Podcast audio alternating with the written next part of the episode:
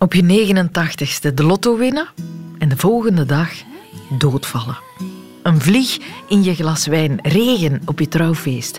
Een gratis ritje krijgen terwijl je al een ticketje gekocht had. Vrijgesproken worden op death row twee minuten te laat. Na jaren vliegangst jezelf toch overtuigen om een vlucht te nemen en vervolgens keihard neerstorten duizend lepels vinden terwijl je een mes aan het zoeken was, de man van je leven ontmoeten en vervolgens ook zijn prachtige echtgenote. Alanis Morissette benoemt al deze situaties in haar wereldhit Ironic van vele jaren geleden, want zegt ze, is dat nu niet allemaal heel ironisch? Isn't it ironic? Don't you think? A little too ironic. En maar ja, nee, dus hè. Alanis. Dat is geen ironie. Hè? Het is hoogstens ironisch dat je al deze niet-ironische situaties als ironisch benoemt. Maar mij lijken dit vooral allemaal acute gevallen van dikke vette pech te zijn. En daar krijgen we allemaal mee te maken. Dikke vette pech. Maar hoe ga je er best mee om? Dat onderzoek hoor je nu welkom in de wereld van Sophie.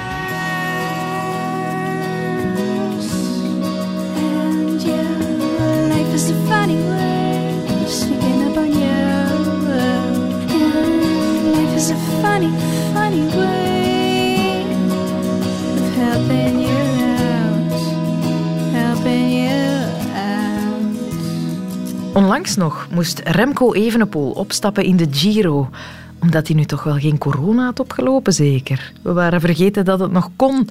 En met twee streepjes op de zelftest kon hij een streep trekken door zijn voornemen om te gaan schitteren in die Giro. Dikke, vette pech.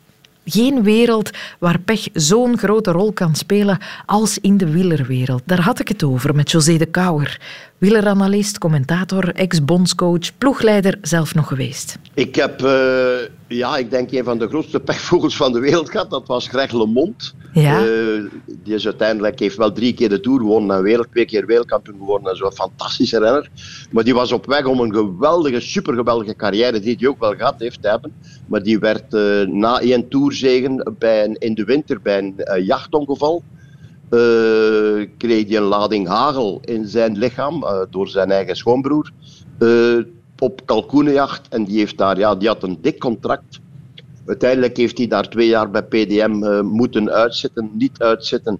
Is hij dan naar een kleinere ploeg gegaan, naar ons.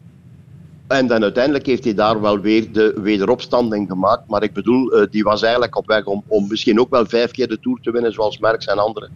Eh, uiteindelijk is dat niet gelukt, mede door dat, door dat jachtongeval. Ik bedoel, ja, het kan, het kan ten allen tijden kan er wel iets gebeuren. Maar dit was toch wel heel raar natuurlijk. Heel raar. Maar dit soort verhalen, dit soort wielerpech, daar zou je een boek mee kunnen vullen.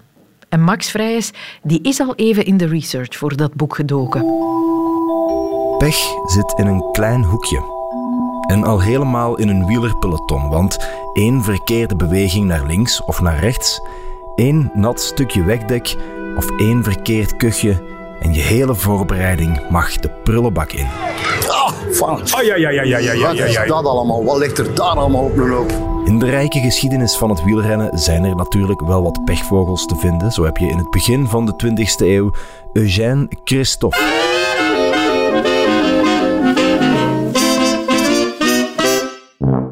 De man die drie keer op het punt stond de Tour de France te winnen, om dan ook drie keer, telkens op het moment suprême, zijn voorvork te breken. Pittig detail, Eugène moest ook elke keer zijn eigen voorvork weer aaneenlassen. Maar we moeten helemaal niet zo ver teruggaan om dit soort pechvogels te spotten, want ze zijn onder de coureurs veruit het talrijkst. Ik presenteer u de mechanische pechvogel. A problem for Museo, a black wheel, flat, black wheel, flat tire, flat tire voor Johan Museo. Kijk, hier zien we de lekke band van Julian Doma. Jammer. Lekker achteraan. Traag. Ja, ja, ja, ja, ja, ja, ja, ja, ja, ja, ja, ja, ja. Ja, Wat een dikke, vette pek. Achteraan lek, achteraan lek. En hier pek voor Port. Jawel, Port voor uh, pek voor Richie Port. Dat klinkt bijna hetzelfde. Port voor pek, pek voor Port. Ja, ik heb enige batterij in twee keer gevallen en dan elkaar gebroken. Chris Froome is aan het lopen. Hij is naar boven aan het lopen. Wat is hier gebeurd? dat mag niet. Waar is die fiets? Waar is die fiets van Froome? Johan Museeuw die lekker rijdt in zijn laatste Roubaix, Wout van Aert die ook lekker rijdt in de meest recente, of het gebroken kader van Freddy Martens. De mechanische pechvogel mag dan niet alleen zijn, zelfs in groep doet het pijn om bedrogen te worden door je eigen materiaal. Nog pijnlijker wordt het wanneer niet je materiaal je in de steek laat, maar jijzelf. Wanneer je alles aan het geven bent, maar plots met je neus op de feiten wordt geduwd. Je weet niet meer waar naartoe je aan het rijden bent. Op dat moment kom je tot de constatatie: je bent een pechvogel met een beperkt oriëntatievermogen. Oh, verkeerd gereden. Nee, dat kan toch niet? Daar is hij. Oh nee. Oh nee. Brent van Moer is verkeerd gereden. Hoe kan dat nu? Wiebes zit dan in het wiel van Vos. Rekent wellicht op... Oh, oh dat gaat de verkeerde kant op. Nee toch? Oeh, verkeerd rijden van uh. Verkeerd rijden van Reusser. Ze heeft gelukkig heel veel voorsprong. Terugdraaien, Marlen. Ja, opwinding toch nog in de slotfase. Oh, and look, oh! Balocki has gone down and Armstrong is taken to the grass. This, oh, will, I hope Balocki is not hurt. That was an awful crash. Armstrong has gone. Uh, I've never seen anything like this in my life.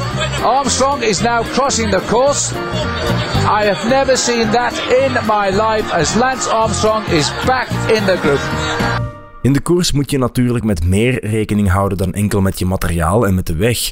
Want wielrennen is niet alleen een sport, het is ook een volksfestijn waarbij je dicht bij je idool kan komen.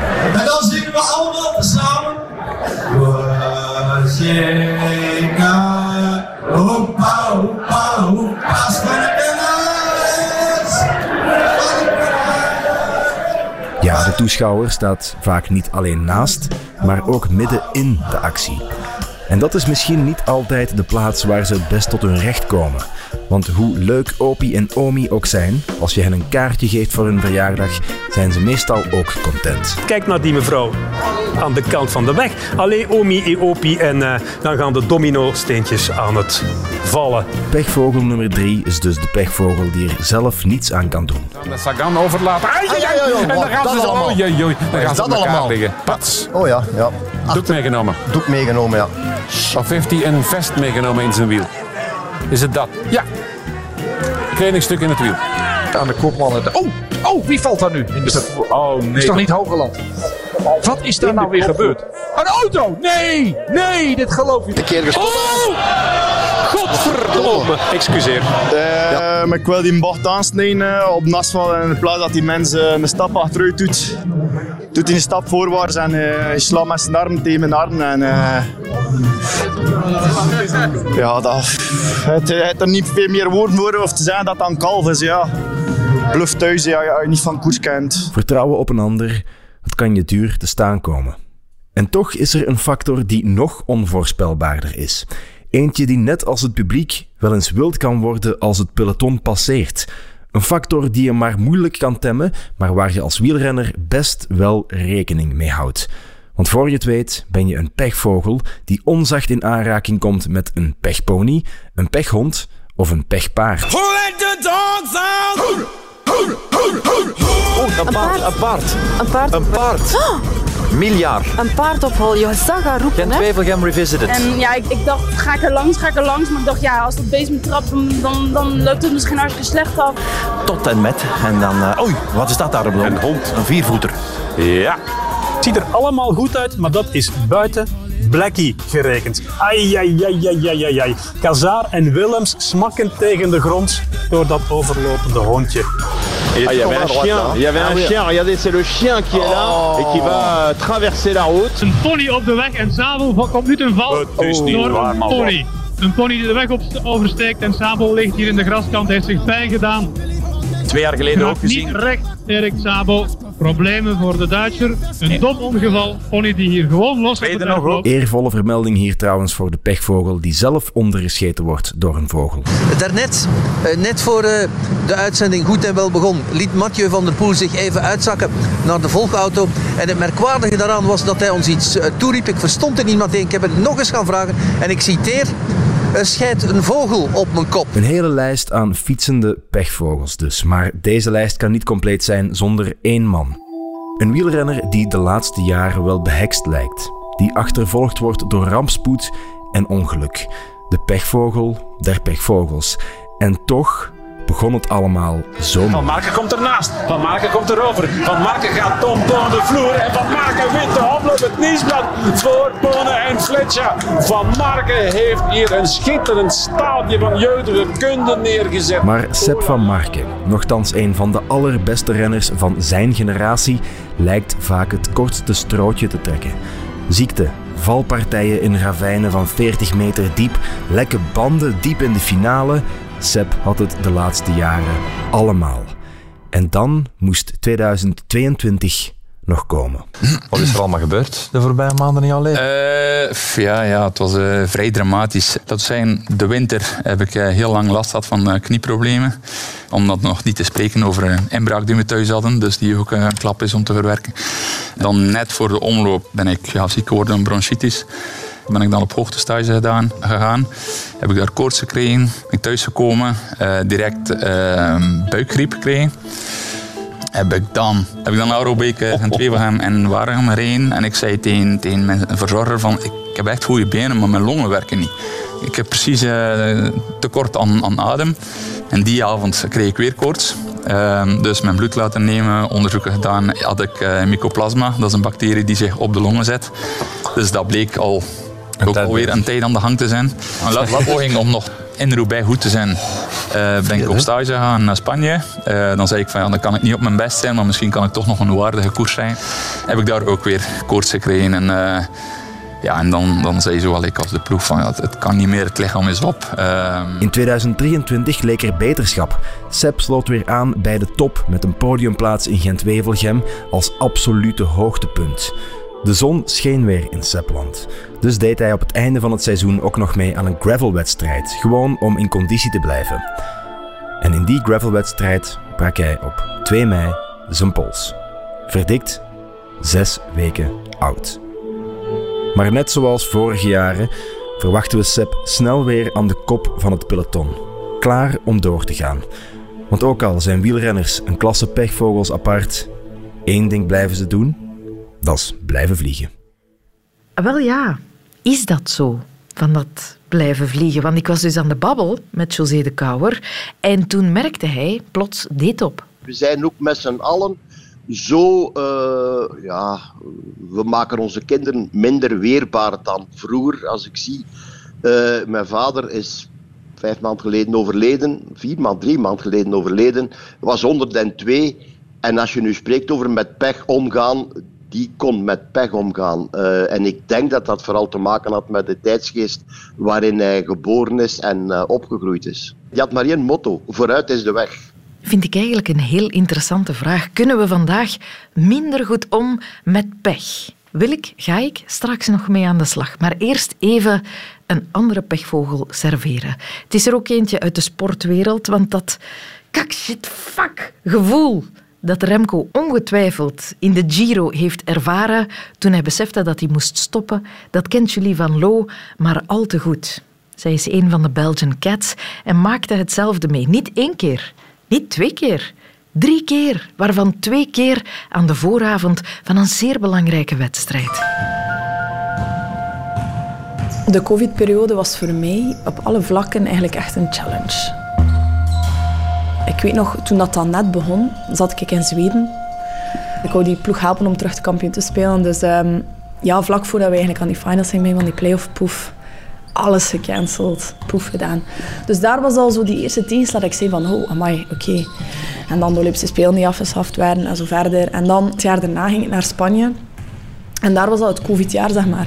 Spelen voor nul publiek, uh, dat is sowieso al helemaal mijn ding niet. Daar ook covid had, maar dat was in de voorbereiding. Dus dat viel wel mee. Ik miste niet, ik miste gewoon training, dus ça va. Ik was ook helemaal niet ziek. De eerste keer dat echt, dus dat ik covid had en dat echt veel wegnam van mij, was in Rusland. Dus ik was in Rusland, ver, ver, ver weg van alles en iedereen. En wij speelden een match in Orenburg. Orenburg is de ploeg waar Chiara Linskes vorig jaar speelde. Ik speelde voor Krasnojarsk in Siberië. En we hadden een uitmatch in Orenburg. Bon. Geen vuiltje aan de lucht. Ik start aan die warm-up hoge knieën, heel lift. En ik zie plotseling die dokter heel naar mij kijken van...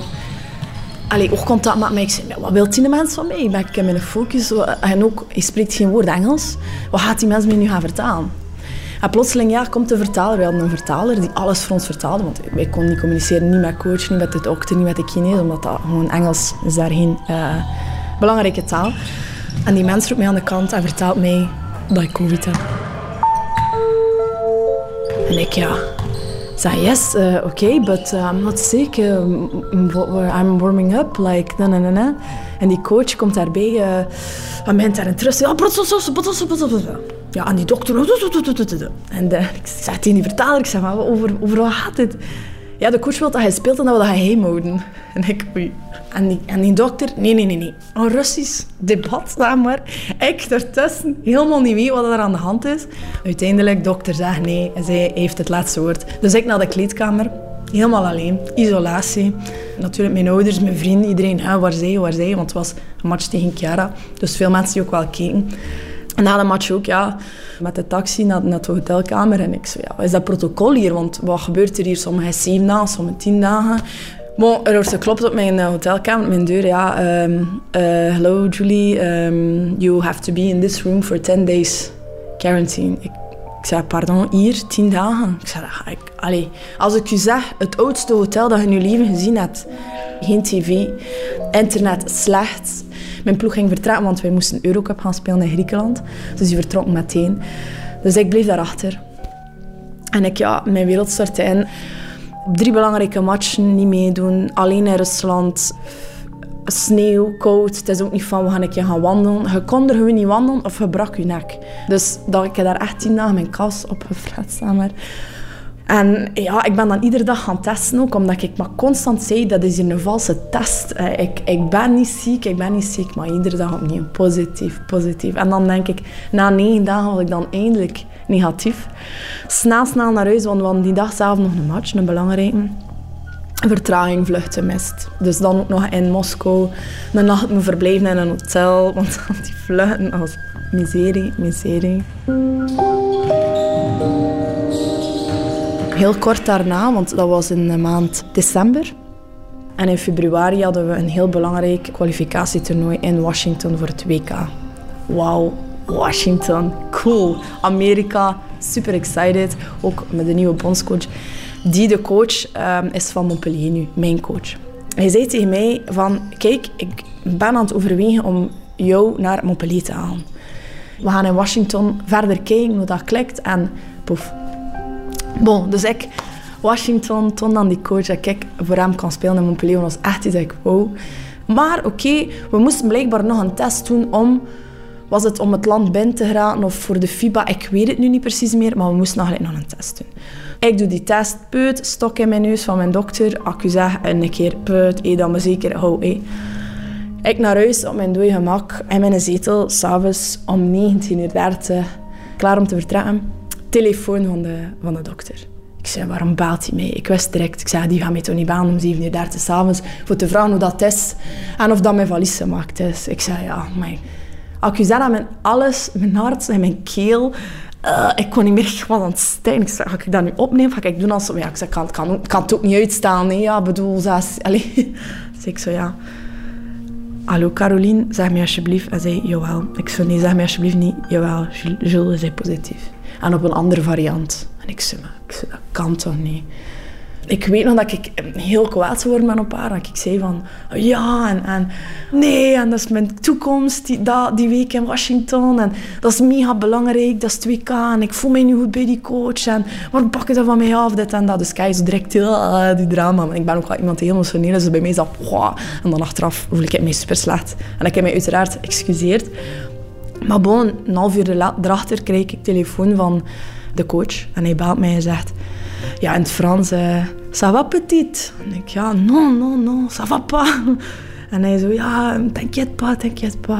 Um, en ook voor volgend jaar, t'inquiète pas. Want die wist volgens mij direct bij mij van dat het daar ook heel hard om ging. Die telefoon neergelegd, oké, verwerkt. Zij zijn vertrokken naar Washington. Ik bleef thuis achter. Plus was toen ook nog mijn verjaardag. Leuk, in quarantaine, top. Maar bon, van thuis uit de supporters en dat fantastisch gedaan. En, en op naar de volgende challenge. Ik bedoel, zo zit ik dan ook wel weer in elkaar. Ehm. Ja, dan vertrek ik naar, naar Rusland en pak een maand later breekt die oorlog uit. Maar daar weer gaan vertrekken. Uff, naar uh, Italië gegaan om, om, om daar nog mijn seizoen te eindigen bij een ploeg die speelde voor degradatie. En ik moest die ploeg gaan redden om niet te degraderen. Dus om maar te zeggen, het verschil was immens. Van Rusland, de top, naar uh, hele switch. Dus dat was zo uh, poef, poef, poef.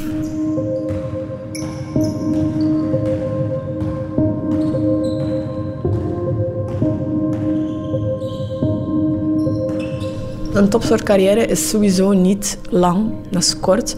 Dus als een tegenslag zich voordoet, zoals mijn tegenslag vlak voor Washington, als je weet dat je een kans hebt om naar een ploeg te gaan, een bondscoach je kiest om mee te pakken naar zijn ploeg, dan merk je wel van, ja, het moet, het moet nu wel gebeuren.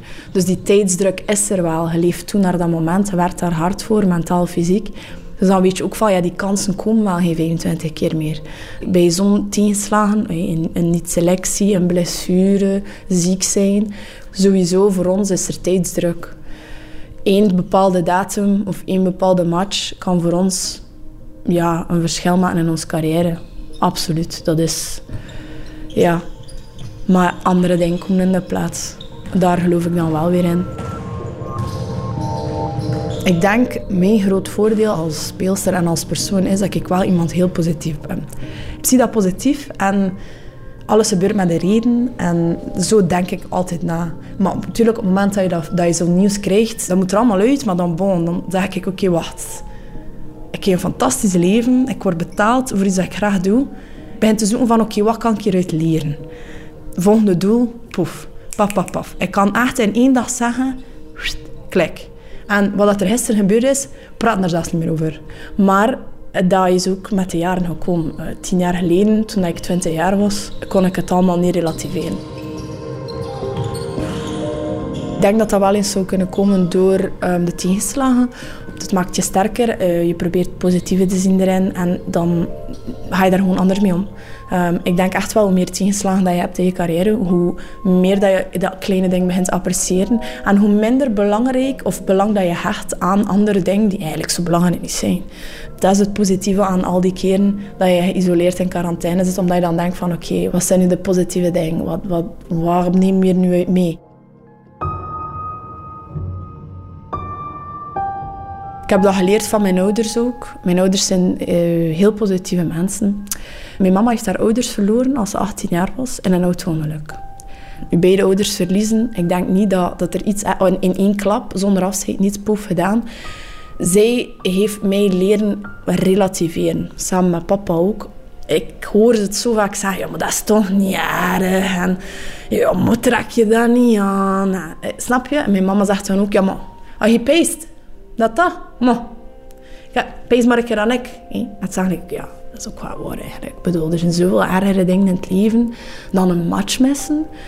Dat is ook wel zo. Daar denk ik ook van, ja, er, ja. en ben ben een week stak alweer op dat veld, hele dag. Het is goed, ze gaat uit nog wel genoeg basket. Dat is oké.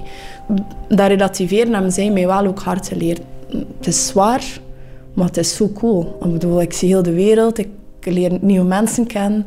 Ja, dat is fantastisch. Dus allez, ik ben bewust dat als dit, dit gedaan is, mijn, mijn carrière, dat dat, dat wel een groot gemis en een grote leegte gaat zijn. Dat dat voor mij wel een, een aanpassing gaat zijn om met andere tegenslagen het leven te, om te gaan dan degene wat ik nu zo gewoon ben. Want waarvan ik nu zo goed abstractie en zo goed kan relativeren, ja, wie zegt dat ik dat ga kunnen vanaf dat mijn ander leven gaat starten? Ik besef dat er nog heel veel obstakels gaan komen vanaf het moment dat basket gedaan is. Maar dat is ook leuk, hè? Ja, ik vind dat vind exciting. Tips voor Remco. Ik kijk heel hard op naar die man. En tot van alles, mijn papa ook. Mijn papa is tot van de koers. Dus ik ben zeker dat mijn papa dat verschrikkelijk erg vond voor hem. Maar ik zou zeggen, hoe dat ik het altijd opnam, was blijf hard werken en geloof dat alles gebeurt met een reden en dat er iets mooiers hem te wachten staat. Ik denk dat voor mij persoonlijk is het altijd een extra motivatie om nog harder te doen hoe hard ik het wil en, hoe klaar ik ervoor ben. Ik zou zeggen, leg jezelf niet te veel druk op voor die volgende race, maar neem het gewoon aan als ik kan weer racen, dat is het dat telt en voilà, dit plezier in plaats van de druk iedereen toon van uh, ik ben het beste. Focus op jezelf en als je Als je hard werkt en zo goed bent, kunnen ze je niet negeren. En gaan ze niet rondom je kunnen. Dus voilà. En Remco gaat dat sowieso doen. Daar ben ik 100% zeker.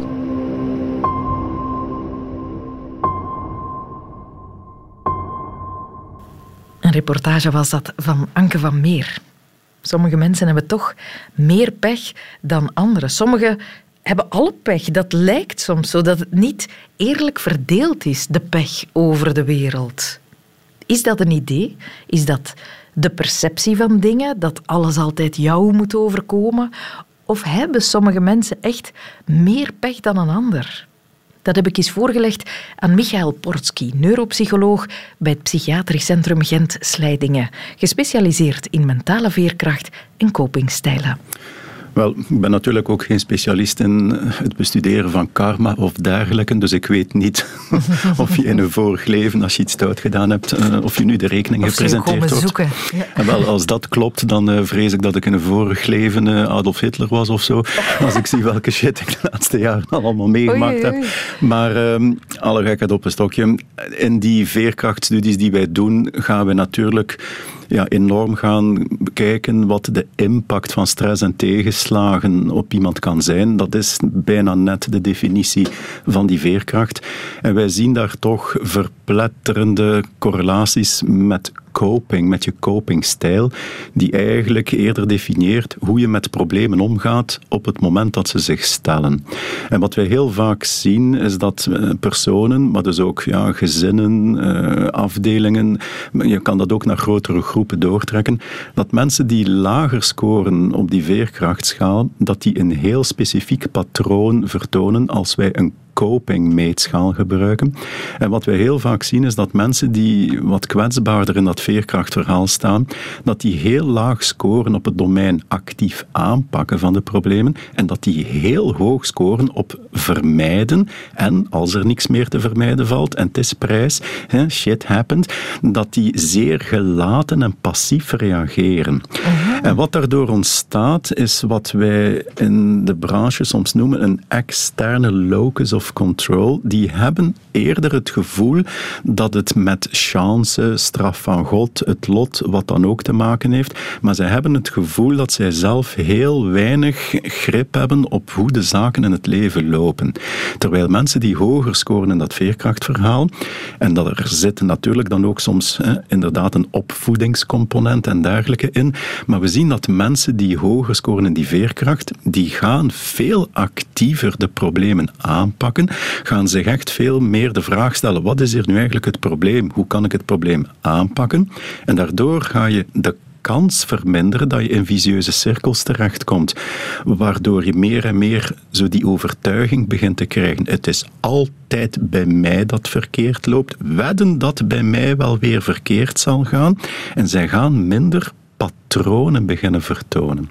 En we zien dat mensen die dat zo een beetje ja, laten begaan, dat die dan vaak ook veel meer van die uitspraken zullen doen van het moet weer met mij overkomen en dergelijke. Maar wat zij vaak niet echt willen inzien of toegeven, is dat zij soms wel een beetje voor een self-fulfilling prophecy gezorgd hebben. Zij hebben zich soms al van in het begin zo met de handrem aan geëngageerd, want het zal toch weer verkeerd uitdraaien, het is altijd bij mij. En daardoor hebben ze eigenlijk eigenlijk soms ook een stukje het eindresultaat in de hand gewerkt. En als het dan verkeerd afloopt, zullen ze natuurlijk zeggen: zie je wel, ik heb je gezegd, hè? het is altijd bij mij dat moet. Maar eigenlijk hebben ze er soms wel een stukje uh, mee verantwoordelijkheid in. En op zeer, zeer lange termijn, ja, mensen die natuurlijk het gevoel hebben van het is altijd bij mij dat het verkeerd gaat, die in die visieuze cirkels een beetje ter plaatse blijven trappelen, ja, die gaan daardoor vaak zoveel stress ervaren. En als we weten wat natuurlijk chronische stress met ons lichaam uitsteekt, en ook met die ontstekingswaarden en dergelijke, ja, dan is het op den duur zelfs bijna wetenschappelijk verklaarbaar hoe zij ook kwetsbaarder worden. Excuseer voor bepaalde mhm. ziektes en dergelijke. En als er dan ook nog eens een, een, een, lichamelijke component bovenop komt dat men ziek is, dan zal dat natuurlijk ook weer aangegrepen worden als, zie je wel, hè, uh, ook dat nog erbovenop. Maar het is soms een, een heel lang verhaal van in stress blijven zitten, het gevoel hebben van niet adequaat te zijn om eruit te kunnen geraken. En begrijp me natuurlijk goed. Het is niet dat iemand die bijvoorbeeld gezond leeft en dergelijke en toch een kanker ontwikkelt, dat je dan kan zeggen, ja, maar je zal daar ergens wel een stuk schuld in hebben. Eh, dat gaan we nu zeker niet gaan beweren. We kunnen inderdaad soms echt wel zeggen, shit happens en hier is nu geen rationele verklaring voor. Maar we moeten toch eh, vaststellen dat heel wat mensen die dat gevoel hebben van het is altijd bij mij, dat er toch vaak wel aan die copingstijl een en ander uh, toch verbeterd kan ja, worden. Die veerkracht, is dat iets wat je thuis meekrijgt, wat bepaalt of je een, een lagere of een hogere veerkracht hebt? het is natuurlijk een dubbel verhaal in die zin. Het fameuze nature-nurture verhaal. Is dit nu genetisch? Is dit nu eh, aangeleerd?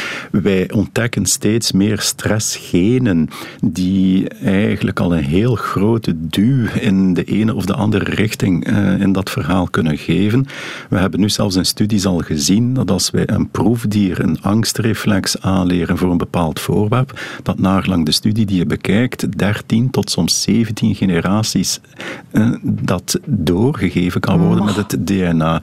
Het is alsof de natuur zegt van, jongetje, als jij in zo'n gevaarlijke wereld leeft, maar dan is het toch misschien beter dat uw nageslacht dat ook weet, eh, voor uw eh, overlevingskansen van de soort te verbeteren. Dus daar zit een genetische component in, in hoe dat brein op stress, op bedreiging zal reageren maar dat nature-nurture verhaal is natuurlijk in de praktijk nooit zo zwart-wit afgebakend als men het ons in de boekjes of op de schoolbanken wil wijsmaken. Want we mogen natuurlijk niet vergeten dat de twee grapjasjes die de grootste stempel op je opvoeding gaan drukken, zijn die twee waar je je DNA-cadeau van gekregen hebt. Dus als je natuurlijk al de, heel vermijdende, angstige, heel stressgevoelige ouders hebt, dan zullen die ook veel vaker een vrij angstige, beperkende opvoedingsstijl hanteren en zo leer je soms ook wat minder met uitdagingen, nieuwe ervaringen, ook tegenslagen eigenlijk omgaan. En dat is wat ik al vaak gezegd heb, ook in lezingen rond veerkracht of dergelijke. Het mooiste geschenk dat je je kind kan meegeven in dat verhaal is leer het omgaan met falen. Leer het omgaan met tegenslagen. Leer het dat het geen domme uil is omdat het de eerste keer niet gelukt is. Leer het de vraag stellen, wat heb je hier nu uit geleerd? Wat ga je nu dus anders doen, nu dat je het een tweede keer of dus nooit een derde keer gaat proberen? En dat is ook waar we bij topsporters die wij begeleiden soms zo moeten op inzetten. Wij zien mensen die soms ultra getalenteerd zijn op technisch vaardig vlak, maar die niet de juiste mindset hebben. En die zijn door die hele jeugdrankings gevlogen alsof het niks was. Maar plots, vaak al internationaal, begint men op een niveau te komen dat iedereen zo goed is en dat het geen evidentie meer is om altijd te winnen. En dan zal je zien wie de juiste mindset heeft om zich over dat verlies of die te kunnen zetten. En daar maken wij uiteindelijk vaak eh, een stukje het verschil. Die technische vaardigheden, daar spreekt men van marginal gains, daar kan je ze misschien 3% rapper of technischer of 7%. Maar als die mindset niet goed zit, dan zien we soms super getalenteerde mensen, maar die niet met die druk kunnen omgaan, die vaak ook heel perfectionistisch zijn. Dat heeft ze een stuk succesvol gemaakt, maar het kan een struikelblok beginnen worden. En dan zien we soms heel, heel getalenteerde mensen eigenlijk onder de druk begeven. En het is daar straks ook al gezegd, dat kunnen relativeren, dat is zo belangrijk. En ik denk dat we recent met Luca Bressel daar een schitterende illustratie van gezien hebben. Dat is iemand die zich zo kapot aan het trainen was uit schrik van niet goed genoeg te zijn, dat hij eigenlijk iedere keer in de voorronde er al uit geflikkerd lag door de stress. En nu hij een, een nieuw lief heeft en er zijn een paar andere leuke domeinen in het leven. En plots kan je relativeren van, weet je, het is ook maar hè, dat. En plots ga je met een heel andere mindset, heeft zelfs niks getraind en dan gaat hij dan door tot aan de eindstreep. Dus die mindset is heel belangrijk. Maar als je natuurlijk vanuit perfectionisme of faalangst of een slechte coping of druk van sponsors en dergelijke, als het in het kopje niet goed zit, ja, dan kan de kleinste onnozelheid je al aan het wankelen brengen. En dan zit men soms meer te focussen op dat ene kleine ding dat niet goed gaat. En dan begint het eh, een moeilijk verhaal voor veel mensen te worden. Ja, maar als ik zo hoor dat u topsporters begeleidt, dan kan je het wel aangeleerd krijgen. Je kan leren omgaan met dat soort uh, ja, pechvogelarij, tegenslagen. Wat zijn de trucken om je mindset te veranderen? Waar wij enorm op inzetten, dat is ook die stressbalans bewaken. Wij spreken vaak van het fameuze palliatieve palet. En dat klinkt voor veel mensen een raar woord. Maar de oorspronkelijke betekenis van palliatief is een activiteit die er nog echt kan in slagen om je gedachten eens echt weg te nemen van datgene dat je triest of kwaad of angstig of wat dan ook maakt. Het is dus eigenlijk een activiteit die je piekeren kan couperen. En wat wij bij sporters heel vaak als valkuil zien, is dat iets wat oorspronkelijk als jeugd, spelertjes of wat dan ook waren, iets leuk was, dat dat plots een domein wordt in het leven waar heel veel druk, heel veel verwachtingen rond gecreëerd worden. En bijvoorbeeld die voetbal of dat wielrennen is plots op zich al niet meer zo leuk, want het is iets dat heel wat stress, heel wat eh, prestatiedruk teweeg brengt. Dat is één deel.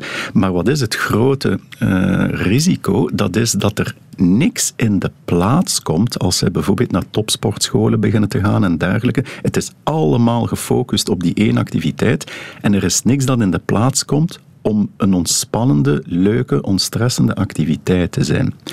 En als men daar dan toch op let als trainer en dat men zegt van kijk, hè, je bent nu continu met die voetbal of met hè, atletiek of wat dan ook bezig hè, en er wordt heel wat stress rond gecreëerd. Het is belangrijk dat je een hobby hebt. Dan zien we vaak de valkuil dat veel van die sporters eigenlijk een andere sport als hobby dan gaan doen, maar waar de aard van het beestje zich heel snel laat merken en ze willen daar ook weer de beste zijn. En het is eigenlijk niet meer ontspannend. Dus ik heb veel liever dat als zo'n jonge sporter in de topsportschool bijvoorbeeld zich volledig begint te focussen op eh, wat vroeger een hobby was en wat nu heel stresserend is, als die dan toch een hobby in de plaats neemt om dat zwarte gat op te vullen, dan heb ik liever dat hij een instrument leert spelen of uh, iets anders gaat gaan doen, zodanig dat er een stukje ja, uh, ontspanning nog is en dat die stressbalans bewaakt wordt. Want het is zo'n cliché om dan in het competitieseizoen of in de voorbereiding te zeggen van ja, nu eventjes niet, want, hè, en dat zien we ook bij studenten in examens en dergelijke, het is zo'n valkuil om die positieve palliatieve activiteiten op te geven, net in de momenten dat er zoveel stress is en de rekening wordt cash betaald.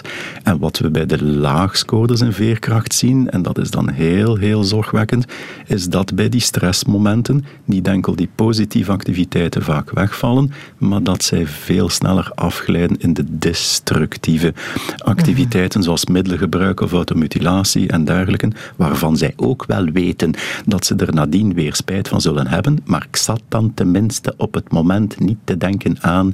En dat is iets waar wij ook weer die enorme verpletterende correlaties met die copingstijlen en dergelijke zien en waar wij vaak enorm op inzetten.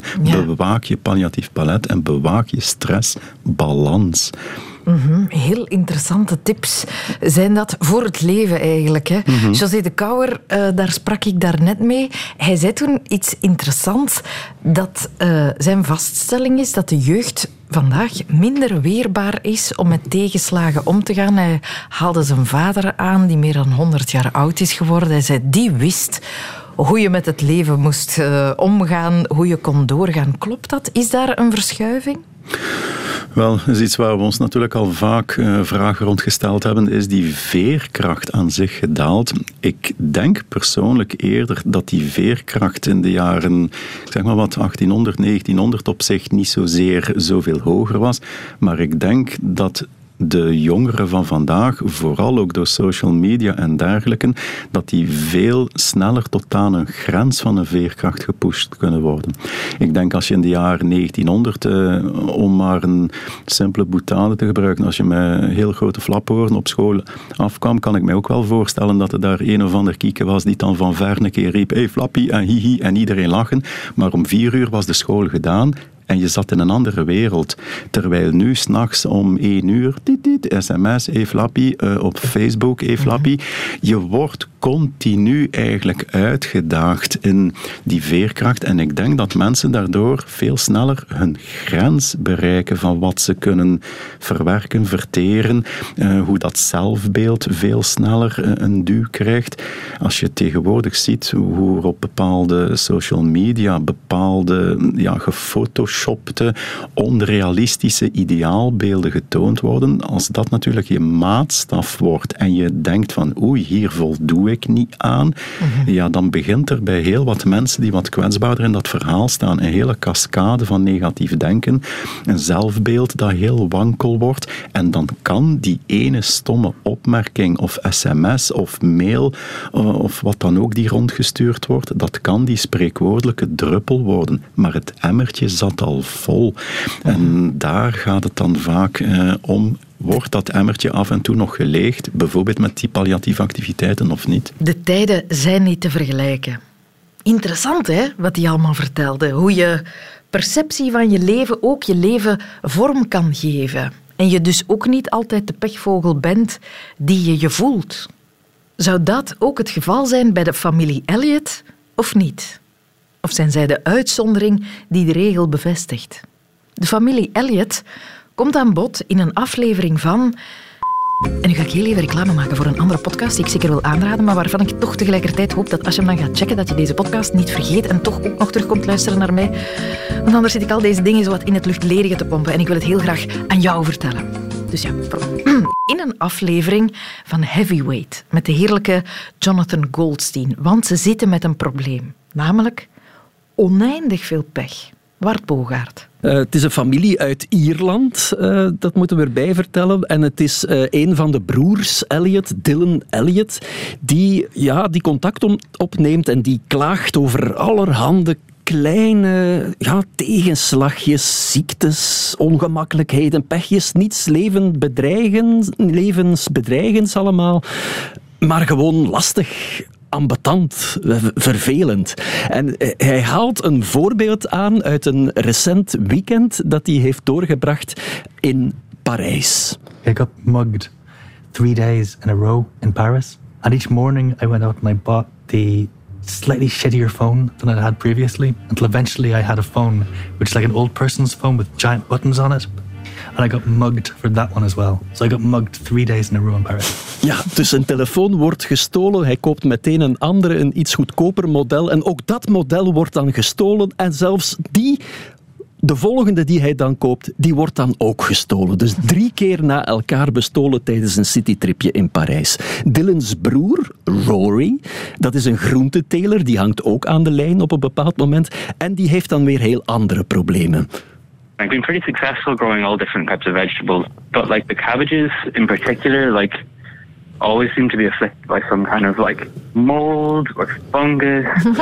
ja, groenten kweken allemaal geen probleem tot die zich aan kolen waagt. Want die krijgen dan altijd te maken met schimmels en met parasieten. En hij is er nog nooit in geslaagd om deftige kolen uh, te kweken. Er is nog een andere broer, Tim. En die heeft dan weer een hele reeks andere lichamelijke ongemakken. I tore my cornea. I had to wear an eye patch. I've had so many mouth ulcers. I've just been worried that it's like the curse trying to stop me talk to you guys. Ja, hamertenen heeft hij last van een gescheurd, gescheurd hoornvlies, waardoor hij een ooglapje moet dragen en de ene na de andere mondzweer of aft in zijn mond, die op de meest vervelende momenten de kop komen opsteken. Wat een pech. Ja, maar je zou kunnen zeggen, goh, ja, waar klagen die mensen toch over? Hè? Er zijn veel ergere dingen in het leven. Maar de reden waarom ze contact opnemen met Jonathan Goldstein van Heavyweight, is omdat hun vader, die ook al redelijk wat kleine ongevalletjes heeft gehad in zijn leven, die al eens failliet is gegaan, en wiens ouders, dus de grootouders van Dylan, Rory en Tim, samen zijn overleden, zijn omgekomen in een auto-ongeval. Wel, die vader die vertelt op een recent familiefeest een verhaal ja, waar die broers niet goed van zijn. En dat hen doet nadenken over al die pech en al die tegenslag die ze in hun leven al hebben gehad. En dat verhaal gaat over Gavin Dunbar. En Gavin Dunbar was de aartsbisschop van Glasgow in Schotland in 1525. Dus 500 jaar geleden. Dat was een periode van heel veel oorlogen en grensconflicten tussen Schotland en Engeland. Dat grensgebied dat werd geplaagd door bendes rondtrekkende rovers en bandieten en moordenaars die de Reavers werden genoemd. En die Reavers die bestonden uit een aantal familieclans waarvan de grootste de clan Elliot was, waar Dylan, Rory en Tim en duizenden, duizenden andere Elliots dus van afstammen, waaronder, dat beweren ze toch tenminste zelf, de beroemde dichter en Nobelprijswinnaar T.S. Eliot, nonkel T.S., zeg maar. Nu, wat is het probleem met al die Elliots? Op een bepaald moment begin 16e eeuw dus, was het zo erg met die Reavers, met die bendes, hè, dat de aartsbisschop Gavin Dunbar een vloek over hen heeft uitgesproken. En hij heeft die vloek niet alleen uitgesproken, hij heeft hem ook uitgeschreven. En in 2005, dus bijna 500 jaar later, heeft een kunstenaar uit Carlisle hem zelfs in steen gebeiteld en op de grote markt van Carlisle geplaatst. En je moet daar eens naar luisteren. Hier hoor je Dylan, de oudste broer dus van die Elliots, een stukje van die vloek van Gavin Dunbar voorlezen. I cursed their heads and all the hairs of their head. I cursed their face, their brain, their mouth, their nose, their tongue, their teeth, their forehead, their shoulders, their breast, their heart, their stomach, their back, their womb, their arms, their legs, their hands, their feet, and every part of their body from the top of their head to the soles of their feet, before and behind, within and without. Zo Ja, ik vervloek hun hoofd en al het haar erop, hun gezicht, hun hersenen, hun mond, hun neus, hun tongen, hun tanden, hun voorhoofd, hun schouders, hun borst, hun hart, alle organen in hun lijf. En zo gaat het dus, Sophie, nog drie minuten door. Ah ja, wauw. Drie volle minuten. De vloek bestaat uit 1069 woorden. Want ook alles wat ze produceren, die Elliots, wordt vervloekt. Alles wat ze aanraken, iedereen die ze ontmoeten, die ze spreken, niets wordt gespaard van de vloek van Gavin Dunbar. En dat eindigt dan op deze manier. I condemn them perpetually to the deep pit of hell, there to remain with Lucifer and all his fellows, then ripped and torn by dogs until they forbear their open sins and make satisfaction and penance. Ik veroordeel hen voor eeuwig tot de diepste krochten van de hel bij Lucifer, waar ze verscheurd zullen worden door helle honden, tot ze berouw tonen. In hoeverre dat nog kan als je verscheurd bent door een helle hond, dat is dan nog weer een andere vraag. Maar goed, nu zijn die Elliots er dus van overtuigd dat al hun, al hun miserie... Al die pech, al, die, aften... Pech, al die aften en mondsweren te wijten is, te wijten zijn aan die 500 jaar oude vloek van de aartsbisschop. Bovendien is er in Carlisle minder dan een jaar na de plaatsing van die steen, met daarop de vloek van Gavin Dunbar, ja, is er ook niets anders dan miserie geweest. Er is mond- en klauwzeer uitgebroken. Er is een overstroming geweest. Er is een brand geweest in een bakkerij. Er is een groot bedrijf failliet gegaan. En de lokale voetbaltrots Carlisle United is gedegradeerd. Oh. Dat is dus allemaal verschrikkelijk en dus daar moet een einde aan komen, vinden de Elliots. Ze roepen de hulp in van Jonathan Om iets aan die vloek te doen. Maar ook dat is een probleem, want ergens in die 1069 woorden van de vloek staat dat ook iedereen die de Elliots op wat voor manier dan ook te hulp schiet, ook vervloekt is. Maar goed, uh, Goldstein trekt zich daar niets van aan. Hij schiet toch in actie. Hij zoekt allerhande manieren om de vloek op te heffen. Hij geraakt zelfs tot in het Vaticaan. En ik ga nu niet verklappen of het hem gelukt is om die vloek op te heffen. Daarvoor moet je maar naar die geweldige uh, podcast beluisteren. En ook naar de 50 andere afleveringen trouwens. Maar ik geef nog één kleine bedenking mee van Goldstein zelf. Die in al zijn uh, enthousiasme wel blijft proberen om een soort ja, journalistieke afstand te bewaren. It offered an explanation for something unexplainable. Dylan and his brothers were raised with the feeling of a vague dark cloud that hung over the family. But now, they've given that dark cloud a name the curse of the Elliots. And what you can name, you can vanquish. What you can name, you can vanquish. Wat je kan benoemen, dat kan je bestrijden en overwinnen. En die Elliots, ja, die zijn altijd opgegroeid met een vage notie, een vaag concept van een duistere wolk die boven hun familie hing. Wel, nu heeft die duistere wolk eindelijk een naam gekregen en kunnen ze verder met hun miserabele leven. In sommige gevallen is het geen pech. Soms ben je simpelweg vervloekt door een 16e-eeuwse geestelijke. Remco? Uh, nee. Nee. Alanis, dat is geen ironie. And yeah, I really do think